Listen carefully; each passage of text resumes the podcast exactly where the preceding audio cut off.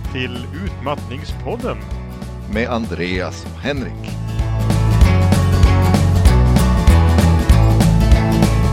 Hej och välkomna tillbaka till Utmattningspodden. Jag heter Henrik Dahlberg Renman och idag har vi tid för ett specialavsnitt. Nu har det gått länge sedan vi spelade in sist men vi har blivit kontaktade av en person som har skrivit en bok om utmattning och hur man hindrar det. Jag vill därför välkomna till podden ingen mindre än min psykologkollega David Vaskuri. Tack Henrik, tack. Känns jättebra att vara med. Mm. Verkligen. Väldigt trevligt. Så du kanske kan börja berätta lite grann om hur det kom sig att eh, du har skrivit en bok om det här. Nej men precis. Nej, men jag har jobbat ganska länge just med utmattning och sen flera andra diagnoser såklart. Men, men utmattning är en av de vanliga som, som, som jag stöter på ofta. Och, eh, och eftersom det finns så många verktyg som man kan använda sig av för att förebygga så, så tyckte jag att det var bra att få ut den kunskapen ut till, till folket så att man kan förebygga eftersom det finns så mycket man kan göra i tid istället för att behöva komma till en vårdcentral och, med utmattningssyndrom och, och då har det gått väldigt långt. Att, att istället göra saker tidigare. Så det var mycket det som var idén, att, att, att jag ville få ut det. Mm. Vad trevligt.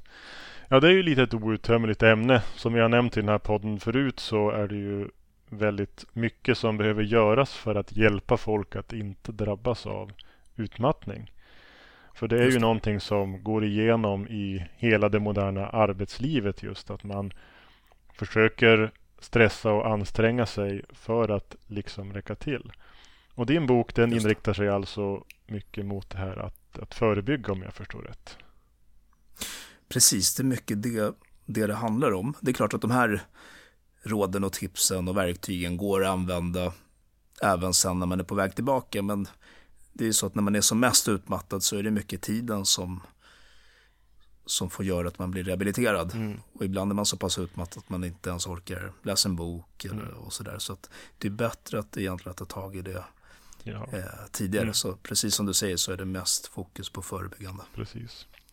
Nej, för vi har ju eftersom den här podden heter Utmattningspodden pratat mycket om själva diagnosen utmattningssyndrom. Sen har vi pratat av och till om eh, förebyggande, försöker väva in det för rådet att om hur man eh, återhämtar sig, rehabiliterar påminner i, hel, i, i väldigt stor utsträckning om hur det är att uh, försöka förebygga att inte drabbas när man märker varningstecknen. Vi har pratat väldigt mycket om varningstecken och liknande. Mm, mm, just det, Men just det. Då passar det alldeles utmärkt att vi försöker ta uh, ta hjälp av din kompetens som ändå har ansträngt dig för att sammanfatta det här på ett sätt så folk kan tillägna sig själv så att du kan ge en massa tips här så att man kan lyssna på det här avsnittet om och om igen tills man kan det utan till så att man får ytterligare hjälp att slippa hamna där i utmattning.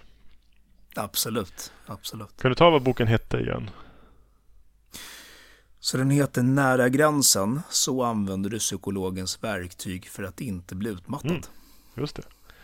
Och den är riktad, tänkt att läsa själv liksom. Precis, den är tänkt för, ja, egentligen för alla att kunna mm. läsa. Och den har mycket verktyg i, i boken.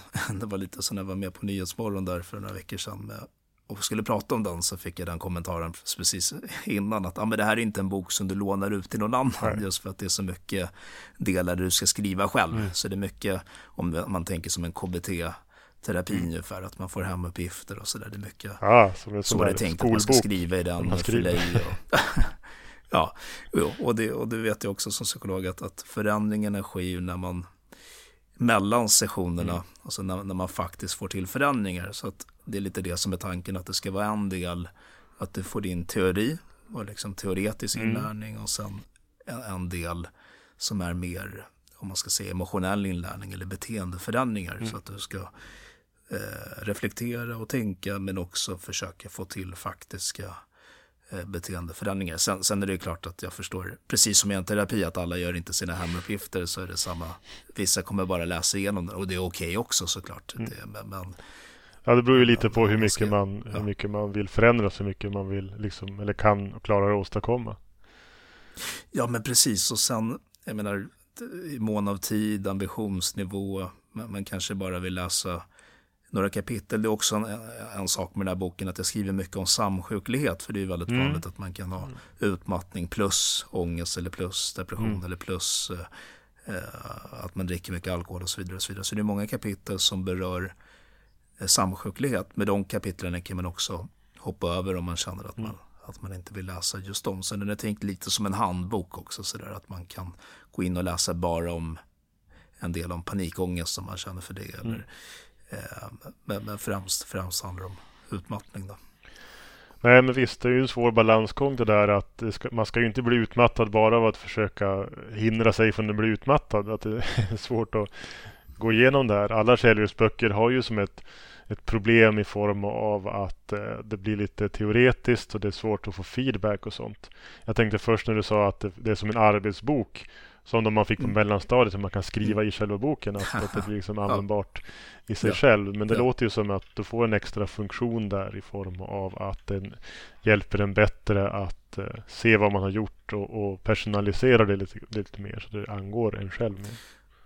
Jo men precis, och sen är det så att jag menar, om, vi, om, om jag drar parallellen till internet-KBT som har väldigt bra, mm. bra stöd i, i forskningen. Då vet man att det funkar, men att det är inte helt lätt att få folk att göra den. Och man kan väl tänka lite som en bok också att ja, det som står där, ja, men gör du det så kommer du förmodligen få en, en bra effekt. Mm. Men, men, hur många är det som faktiskt gör det? Jag menar, både du och jag som psykolog vet att ja, man träffar klienter och vissa är ambitiösa och gör alla hemuppgifter och vissa kanske går dit och pratar mm. men, men, känner att de behöver prata för det är den, den, det engagemanget de orkar investera så att säga.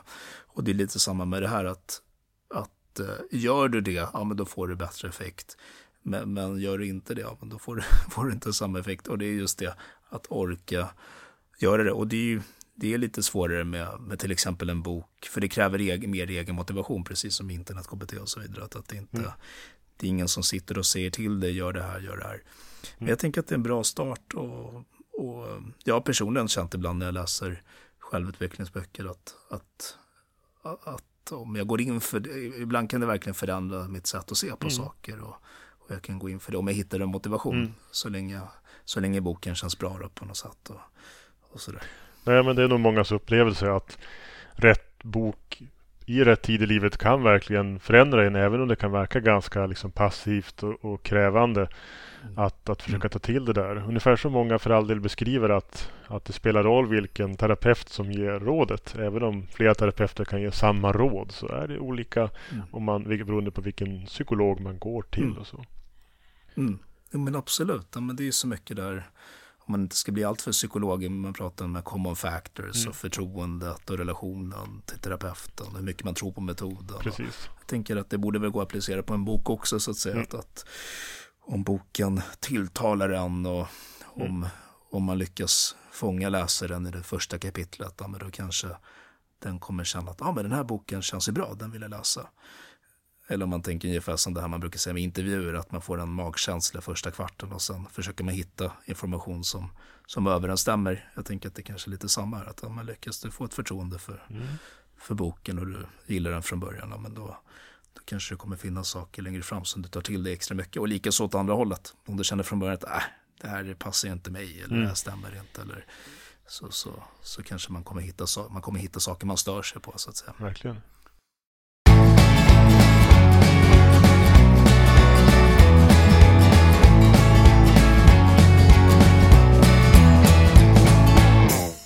Då kanske vi ska komma in lite på eh, själva råden och sånt där. För det jag tänker att ja, folk kan ju köpa boken. Titeln kommer säkert nämnas igen.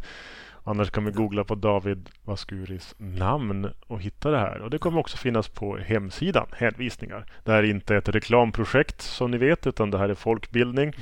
Men vi tycker ju att det här är en bra bok som kan hjälpa folk till just den här eh, att slippa drabbas av den här ganska livsomgripande, genomgripande sjukdomen utmattningssyndrom. Så därför så vill vi ju hjälpa till genom att framhålla att det här är också ett sätt som man kan få hjälp med. Men då kan vi komma till, med det sagt, eh, att du förklarar lite av de här råden för lyssnarna här så att de kan omsätta dem bara genom att lyssna på det här poddavsnittet kanske. Nej men precis, Nej, men jag försökte verkligen så tänka fram, okej okay, men vad är det viktigaste jag vill få fram på den här begränsade stunden? Mm. Eh, från boken och, och, som jag tror kan göra mest skillnad i förebyggande syfte för utmattning. Då. Och, eh, och då har jag skrivit upp några olika teman. Det första temat som jag skrev är just att lista dina stressfaktorer. Mm. Just att, men vad är det som är eh, som stressar upp mig? Och man kan ju dela upp det på olika sätt. Men ett sätt som jag tar upp i boken är just det här att inre och yttre stressfaktorer. Då kan man fundera, men vad innebär det? Vad är inre och yttre? Men just att det jag menar med yttre där, det är att ja, saker som, som är utanför dig själv så att säga. Till exempel att en, en arbetsgivare som, som kräver väldigt mycket eller dålig arbetsmiljö eller, eh, mm. eller att man har en, en gammal förälder som plötsligt behöver mycket stöd och så ska man göra, göra det parallellt med, med jobb och familj och så mm. vidare. Att det tillkommer någonting eller en, separation till exempel. Och, mm. och så medan inre stressfaktorer, de jag mer personlighetsdrag oavsett, ja, men det finns ju så mycket olika, mm. olika saker man kan prata om i, i psykologi, men ibland pratar man om big five, den här personligheten, att om man mm. har väldigt högt på det här vänlighet mm. och sympatiskhet. Och så hur, hur vet man vad man har på draget. big five då liksom? Ja. precis. Och det... vet, vet man om det? Kan man kolla det på något vis så att man kan lista det menar du? Eller? Ja, men precis. Men då kan man googla på Big Five mm. och femfaktormodellen om man vill där. Men, men då, då är det bland annat ett drag som jag tänker på som är just det här eh, man brukar ofta prata om dem på engelska, det är därför jag säger det på engelska, men just det agreeableness-draget, alltså mm. alltså som innebär att man är vänlig och sympatisk och sådär.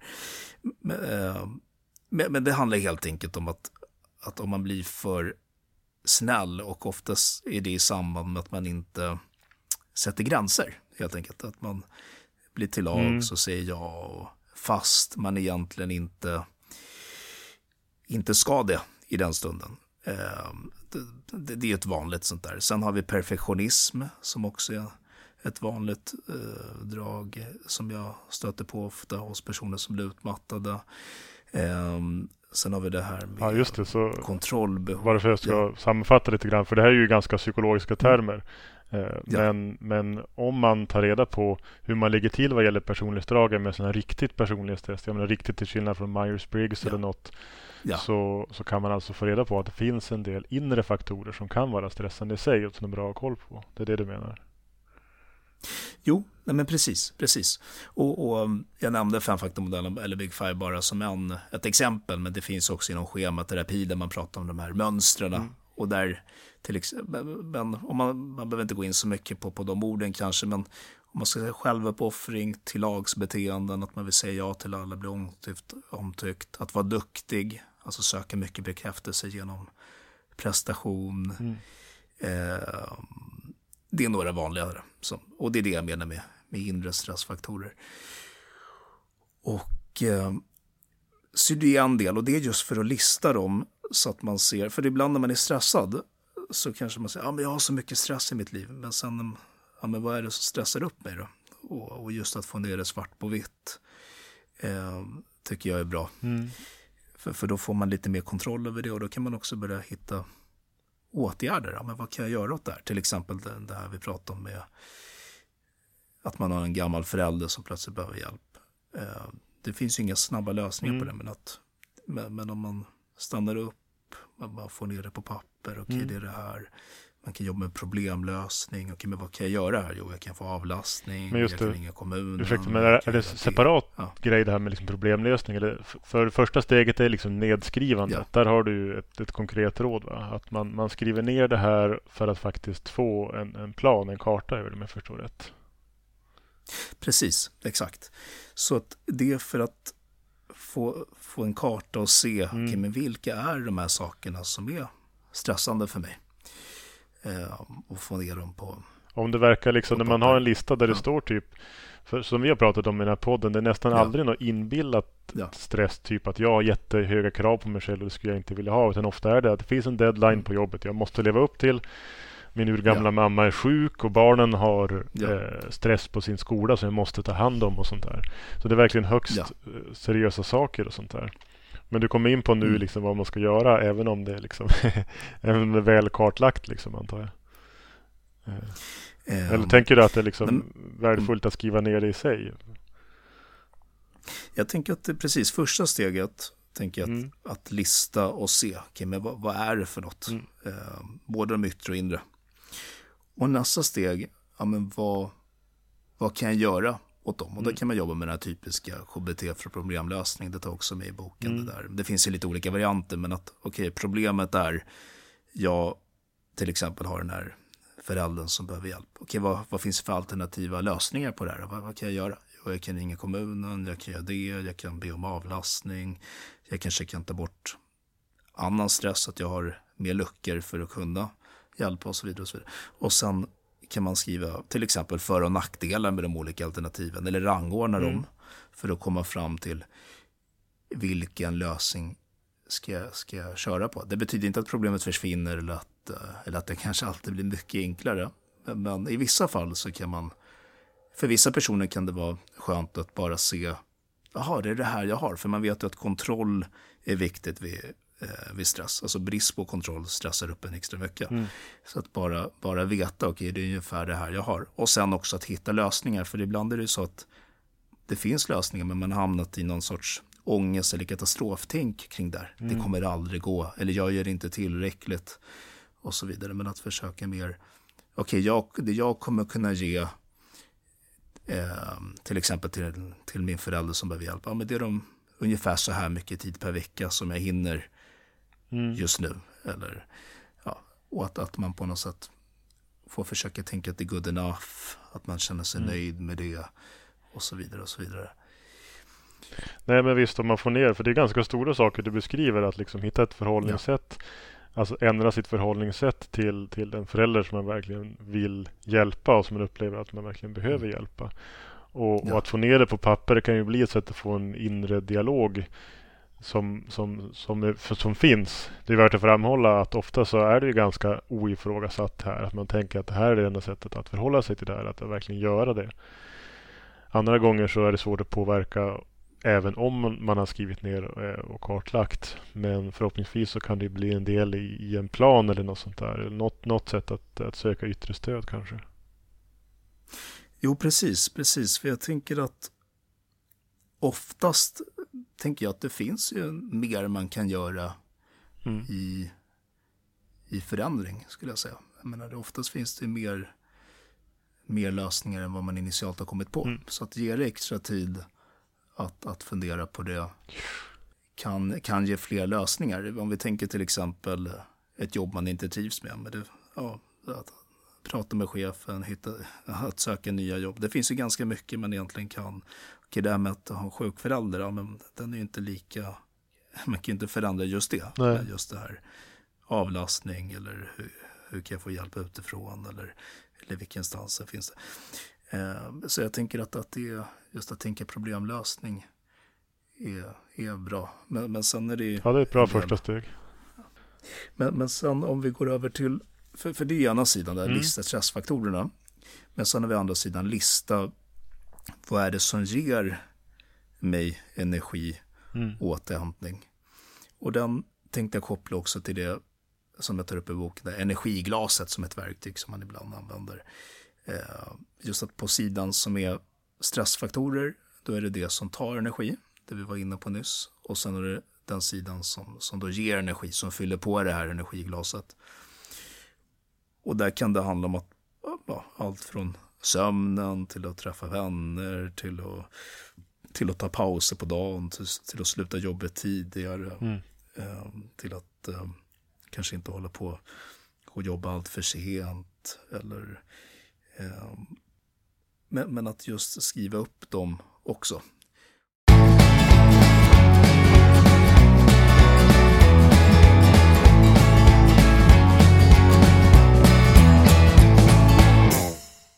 Sen är det precis som vi var inne på förut, att, okay, att, att bara skriva en massa förändringar, eh, ja det är ju ett första steg, men det är inte, man är inte klar där, utan sen är det mer att försöka hur, hur, hur får jag in dem i mitt, i mitt liv? Och då kommer vi in på förändringarna, ja. Just de, ja, precis. Mm. Och förändringarna och de här återhämtningsbeteendena. Just det, återhämtning. Så, så, så, precis, så att om jag till exempel har skrivit ja, men jag vill sova mer för sömnen är så himla viktig mm. för att inte bli utmattad till exempel.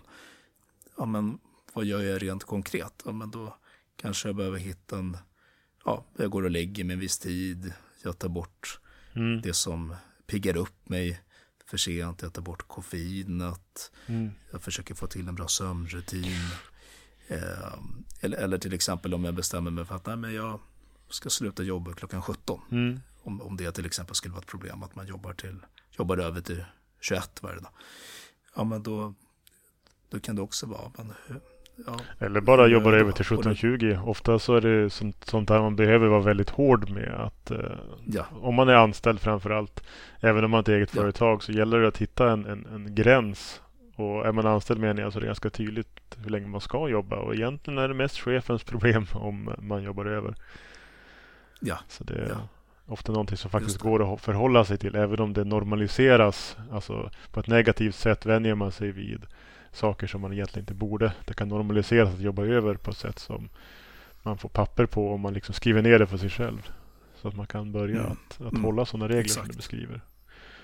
Nej men precis, precis. För jag tänker, jag brukar säga det att just vid utmattning så, så tycker jag att det är bra att vara fyrkantig med återhämtningen. Det kanske inte låter så kul att ha ett veckoschema och bestämma Nej. när ska jag få in mina pauser och när ska jag sluta jobba och när ska jag gå och lägga mig. Det låter lite tråkigt. Ja, det låter som man schemalägger tråkiga saker. Ja. Ja, just det. Precis. För många är det väldigt stressande att ta en paus när man vet att man tar paus från saker ja. som man måste göra. Ja, och, och just det här att, att man värdesätter ofta inte pauserna. Det blir lite bortkastad tid. För många som mm. jag träffar ser det som att nej, men jag ska vara produktiv och effektiv. Mm. Jag ska hinna med så mycket. Jag ska maxa mm. eh, så mycket jag kan i livet. Så att jag hinner med och är duktig och så vidare. Och så mm. vidare. Och det kan ju såklart vara saker som, ja, av många anledningar, samhällsskäl men också föräldramönster, man har sett sina föräldrar jobba hårt eller man har fått bekräftelse i prestation och så vidare. Och så vidare. Som man har gjort så i hela sitt liv.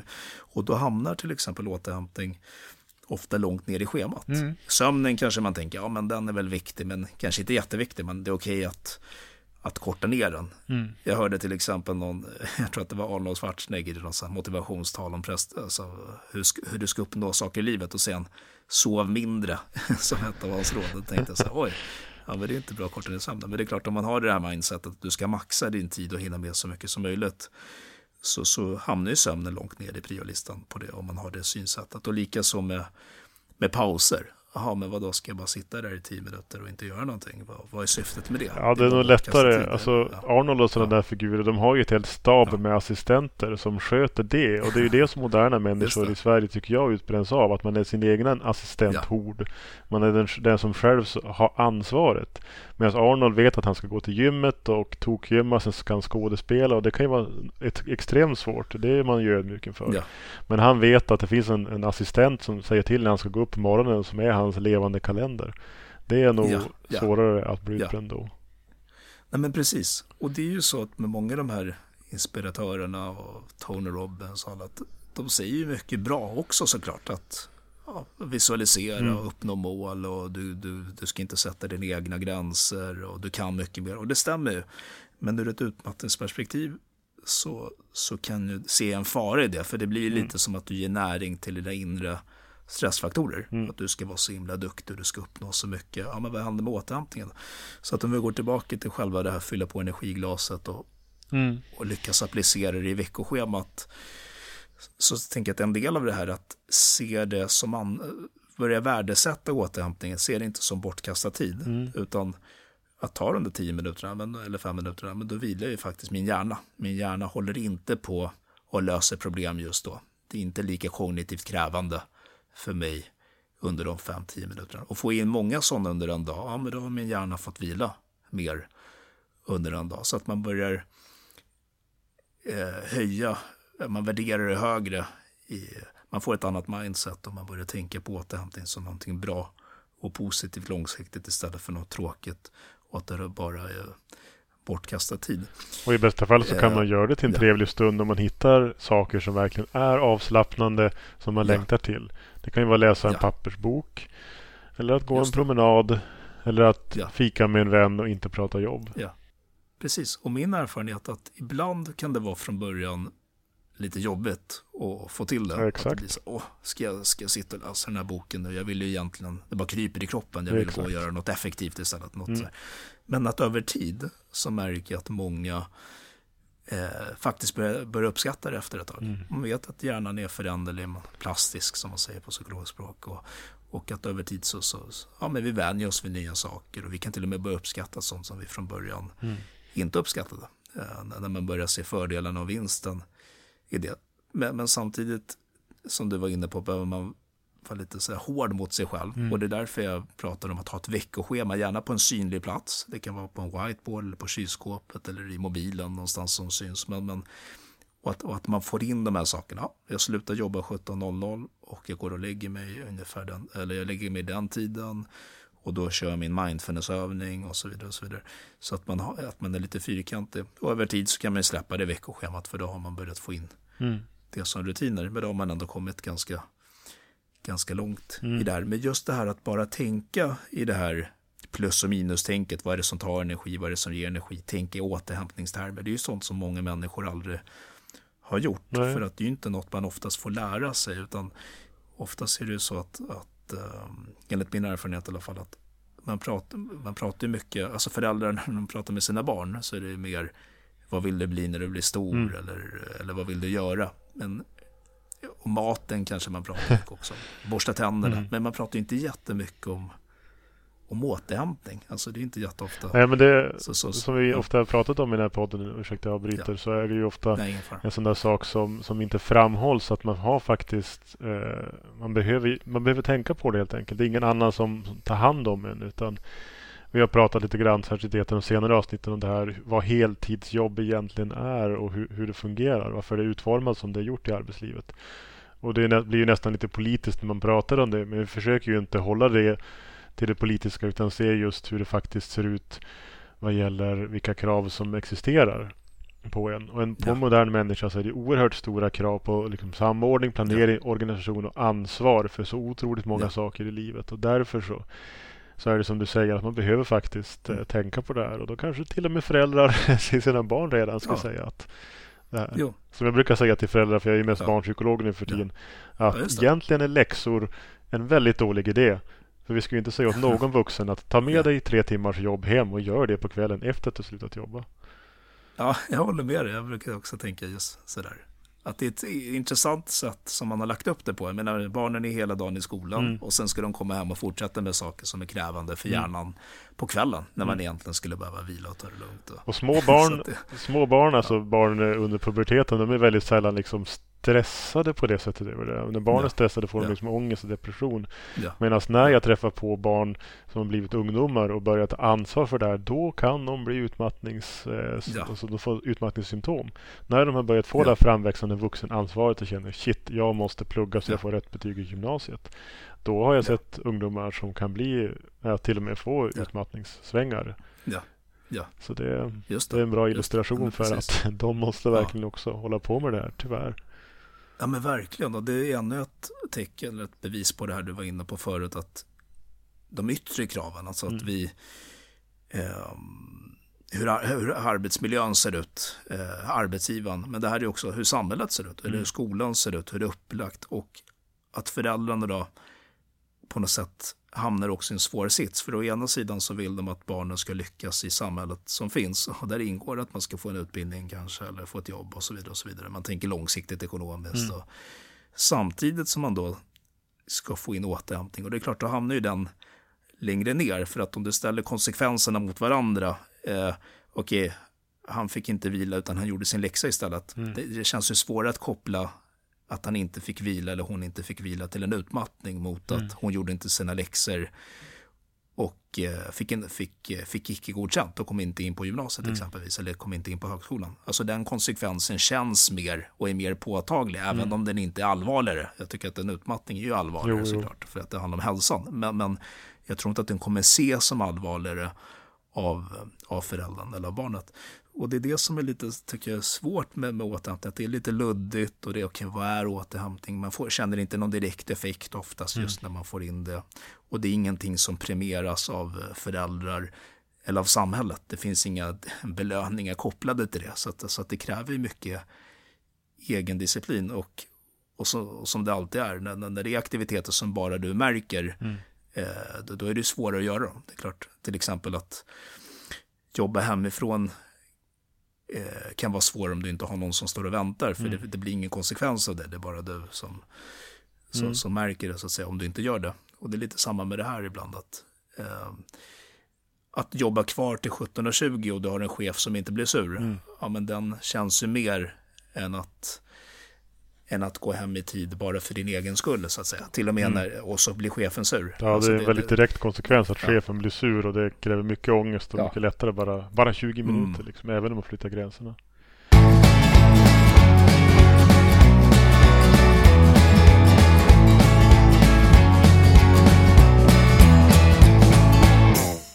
vi har pratat en halvtimme nu. Vi brukar hålla oss ganska kort eftersom ja. Eh, ja, de som lyssnar på det här är ofta folk som till och med har råkat drabbas av utmattningssyndrom tyvärr. Ja.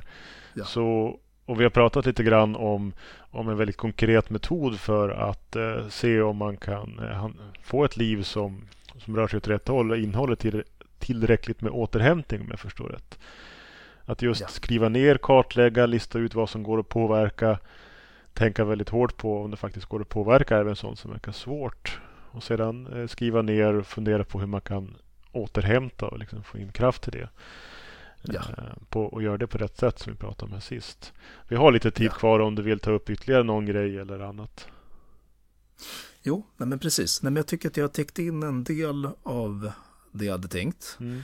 Att lista stressfaktorerna, energiglaset, mm att prata om återhämtning och att värdera återhämtning.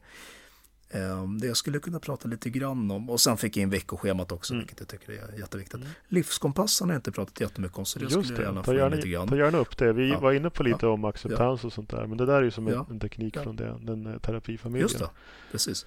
Nej, men det är ju ett verktyg som är taget från den här grenen ACT, eller Exakt. ACT, inom, som en gren inom KBT. Acceptance Commitment och, Therapy.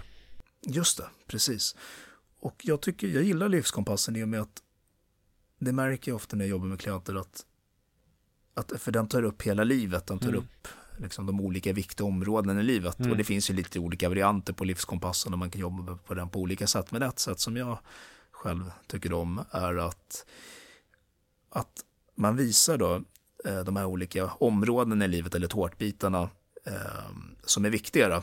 Eh, så att om man tänker att man har en person i mitten och sen har du fyra pilar åt alla olika håll och sen har du de olika områdena där. Relationer är ett område och sen är jobb och studier ett område och sen mm. har du hälsan som ett område mm.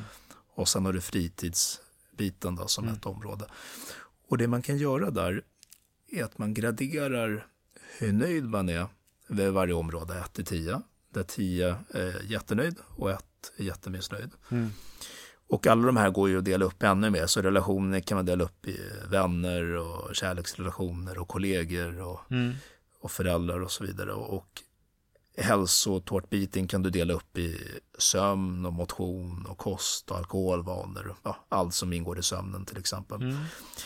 Eh, men då graderar man dem och då ser man ganska fort vilka områden som får låga siffror. Så får man till exempel en, en trea på, på vänskapsrelationer då kan man fråga sig själv sen, okej okay, men det är en trea. Mm. Om jag skulle vilja att det var en sju eller en åtta. Hur hade jag kunnat göra för att höja den några snäpp? Och just genom att ställa sig själv den frågan, då, då, då, då brukar man oftast börja få fram lite, ja ah, jo men, ah, jag, jag hör ju inte av mig så mycket längre till de här vännerna. Eller, mm. eller, eller jag brukade göra det här, men nu gör jag inte det längre till exempel. Och där brukade jag träffa folk. Och, mm. Så det är en sån väldigt konkret för att snabbt få syn på okay, vad är det, vad är det, vilka brister har jag i mm. mitt liv och, och, och vad är det jag behöver öka på. Man kan också lägga in 1 till 10 hur viktigt varje område är. Alltså hur högt värderar det. Och så till exempel en 10 skulle vara, men det här området är jätteviktigt mm. för mig och en 1 att det inte är viktigt alls. Och, och, det är också en sån här att, som gör att man märker rätt fort eh, om det är något som är, ligger väldigt högt eller lågt. För till exempel, vi säger att man skulle sätta en, en åtta på motion i mm. viktighet. men så hamnar du på nöjdhet 3.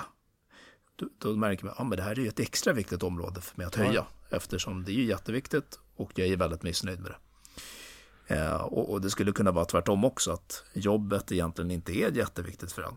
För vissa är det det, för vissa inte. Men vi säger att, att det skulle få en, ja, jo, ja. en låg siffra på viktighet. Att det är så här, ja, jag gör det för en inkomst, men det är inte, jag känner inte att det är det jag lever för. Det är inte så meningsfullt för mig.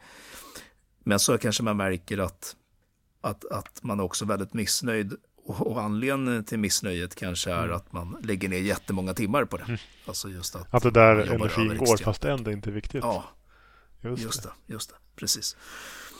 Eh, så, så den, den tycker jag är bra just för att man, man tar in alla tårtbitarna. Nej, men det, och, ja. det är väldigt viktigt för att eh, man ska ju framhålla till lyssnarnas fromma här att, att det här är en väldigt stor sak. Alltså det, är en, det är en, teknik som man behöver fundera väldigt mycket ja. på och som kräver väldigt ja. mycket skriva ner och som man återvänder till. Och som bygger ja. verkligen på att man, man, verkligen gör det. I gengäld är det inte så jättekrävande skulle jag säga. Det är inte så mycket teori utan man fattar väldigt lätt vad livskompassen är. Och det är alltså ett kartläggningsverktyg för att förstå vad som är viktigt i livet. Inte ja. minst så, ja.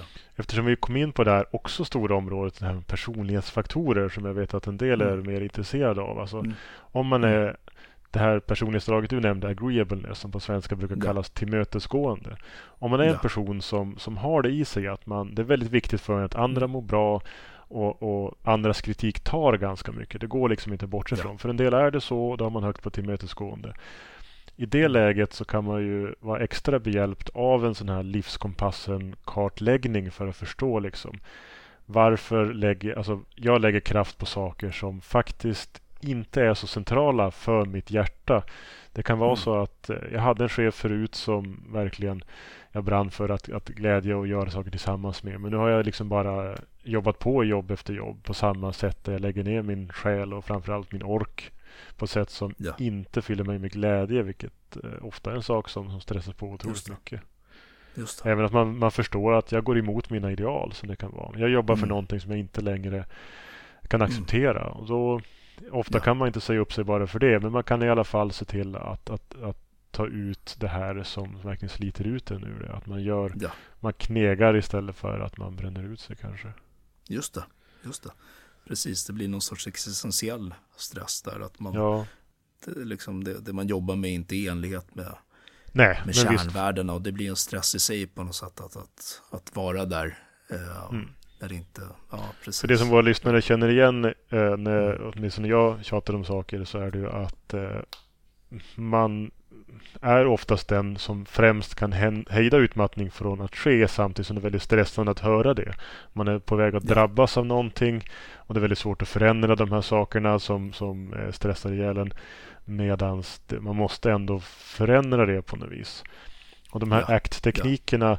är lite unika på det sättet att det kan bli faktiskt att man äter kakan och har den kvar eftersom man förhåller sig annorlunda mm. på ett sätt som gör att, eh, att man kanske mår mycket bättre på sikt.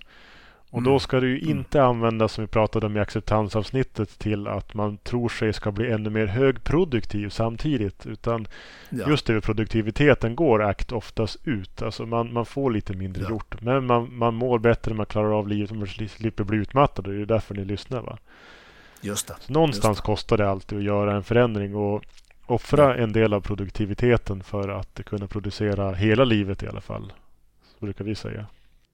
Precis, och i längden så kanske man då till och med fick mer gjort. Om, om vi tar till exempel en person som, som då blir utmattad var tredje år. Mm. För det är ju ganska vanligt med personer som återfaller i utmattning. Och, eh, och som är borta då, var, var tredje eller var fjärde år. Mm tre månader, halvår, ett år. Alltså allt, all den tid det tar mm. kontra den som då gick hem klockan 17 istället för 19, mm. men blev aldrig sjukskriven.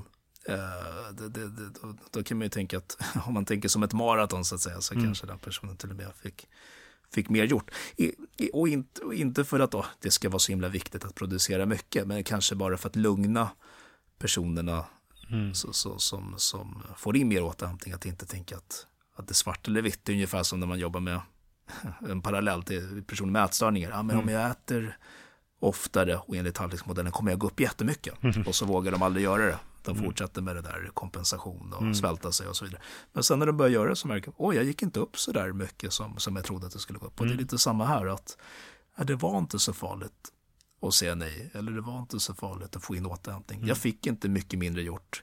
Jag blev inte någon som bara låg i soffan hela dagarna. För att ibland märker jag också att vissa personer mm. tänker att de behöver vara hårda mot sig själva. För att annars kommer de bli superlata. Ja, det brukar det. jag säga att nej, men det är också en del av personligheten, det här med arbetsamhet, mm. alltså som går in i det där en av dragen.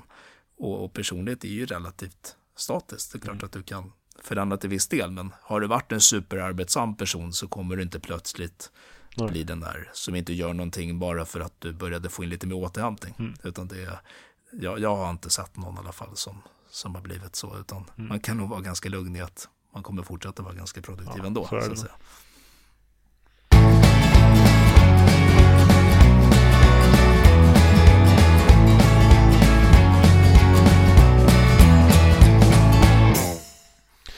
Ja, men eh, då tror jag vi får nöja oss med eh, råd som vi hinner med på den här eh, avsnittets omfattning. Har du något klatschigt eller något, något annat avslutande som du vill ta upp som är eh, kortare? Ja, nej men jag, jag tänker att, att vi har fått in mm. en stor del av det jag tycker är viktigt. Jag vill avsluta med att säga att just det att vara sann mot sig själv. Alltså just att lyssna in känslor. Men hur, hur, hur, vet man om man är sann mot sig själv? Du kanske tänkte säga det, men... Precis. Nej, men det är ett lite sådär kanske luddigt begrepp att vara sann mot sig själv. Men just att, vad är det, att fråga sig själv, vad, vad, är det, vad känns rätt för mig? Mm. Vad känner jag? Vad behöver jag? Att, att börja träna upp det, att, att reflektera och fråga sig själv istället för vad, vad, vad vill chefen? Var vad vill mina vänner? Är det där, är det, där det man, man, om man inte är sann mot sig själv så är det någon annans ideal man lever upp till, tänker du? Precis, att om jag är sann mot samhälls, samhället, då ja, är det, det, kanske att jag eh, jag ska ha det där huset och, jag, mm. och det är okej okay för mig att bränna ut mig på, på vägen dit. Eller jag är sann mot min chef, ja, men då jobbar jag till 1720 trots att det står i avtalet 17.00 för att, eh, eller, eller mot, mot företaget eller vad det är. Men, men att vara sann mot mig själv, mm. men vad, vad, vad, känns bra för mig och vad behöver mm. jag? Jo, jag behöver faktiskt vila eller jag, eller jag känner mig arg för det här känns inte rätt. Men mm. att våga lyssna in den sidan som man kanske aldrig har gjort förr och att, att våga stanna upp och lita på det. Att inte bara trycka bort mm. det och köra på som en Duracell-kanin på autopilot framåt utan mer eh, ta, ta, det på allvar. Vad är det jag behöver? Vad är det jag känner? Ja. Det var väl mitt, mitt sista där. Ja, det, det, är stora saker men då får ju lyssnarna komma ihåg att eh, sånt här står i, i en, en självhjälpsbok. Vi har ju tidigare gjort eh, 18 avsnitt i den här podden där vi på 20 minuter till en halvtimme förklarar olika de här teknikerna ja. en och en olika ja. sätt. Samsjuklighet har vi ett avsnitt om och mycket annat. Ja. Så om det här låter kompakt så som sagt lyssna på det flera gånger. Lär er tillämpa ja. hur man skriver ner, hur man kartlägger veckoschema, fundera ut lösningar. Och det här med livskompassen som gör att man kan hitta sätt att ta sig vidare. Men eh, vi rekommenderar naturligtvis att ni skaffar den här boken eftersom det är ett annat sätt att eh, tillägna sig det här. Och särskilt riktade, riktar den sig till folk som inte är utmattade utan folk som är ute i arbetslivet. Kan du berätta igen vad den hette? Den heter Nära gränsen. Så använder du psykologens verktyg för att inte bli utmattad. Mm. Precis, mera folkbildning än reklam säger vi det här. Även om vi naturligtvis stödja, vill stödja ett sådant eh, arbete som, som David har gjort med att hjälpa folk på det här sättet. Tack Harry. Då så, då får vi tacka så mycket för det här. Ja, men det kändes jättebra att vara med och jättespännande att prata med just dig som också psykolog och har mm. mycket kunskap och att det blev en, en, en bra mm. dialog. Oftast träffar man personer, eller jag träffar personer i, i de här intervjuerna mm. där, där, där den andra inte kanske har jättemycket mm. koll på just det eftersom det inte är deras arbete. Men jag tycker det är jättespännande ja, och, och, att just få prata med någon som, som har mycket kunskap inom det. Så det tyckte jag kändes jättebra. Och stort tack än en gång för att jag fick vara med. Ja, det var vår glädje säger jag. Tack för mig och Andreas också. Han är fortfarande sjuk tyvärr. Han har ju sina Ja. skov av, av sin utmattningssväng. Men till lyssnarna som eventuellt lyssnar på det här och hoppas på en återkomst så funderar vi faktiskt på att, att spela in ytterligare avsnitt eftersom han är på väg tillbaka från senaste svackan. Men tack så mycket för att du var med David. Då säger vi tack och hej då för idag. Tack och hej, ha det bra. Samma. På utmattningspodden.se hittar ni länkar till allt vi pratat om. Och där finns också kontaktuppgifter och hör jättegärna av er. Och lyssnarfrågor kommer att behandlas i särskilt insatta specialavsnitt. Och musiken som vi har använt i det här programmet är Holiday in Toontown av Texas Gypsies och Coffee av Josh Woodward. Och länk till dem finns också på utmattningspodden.se.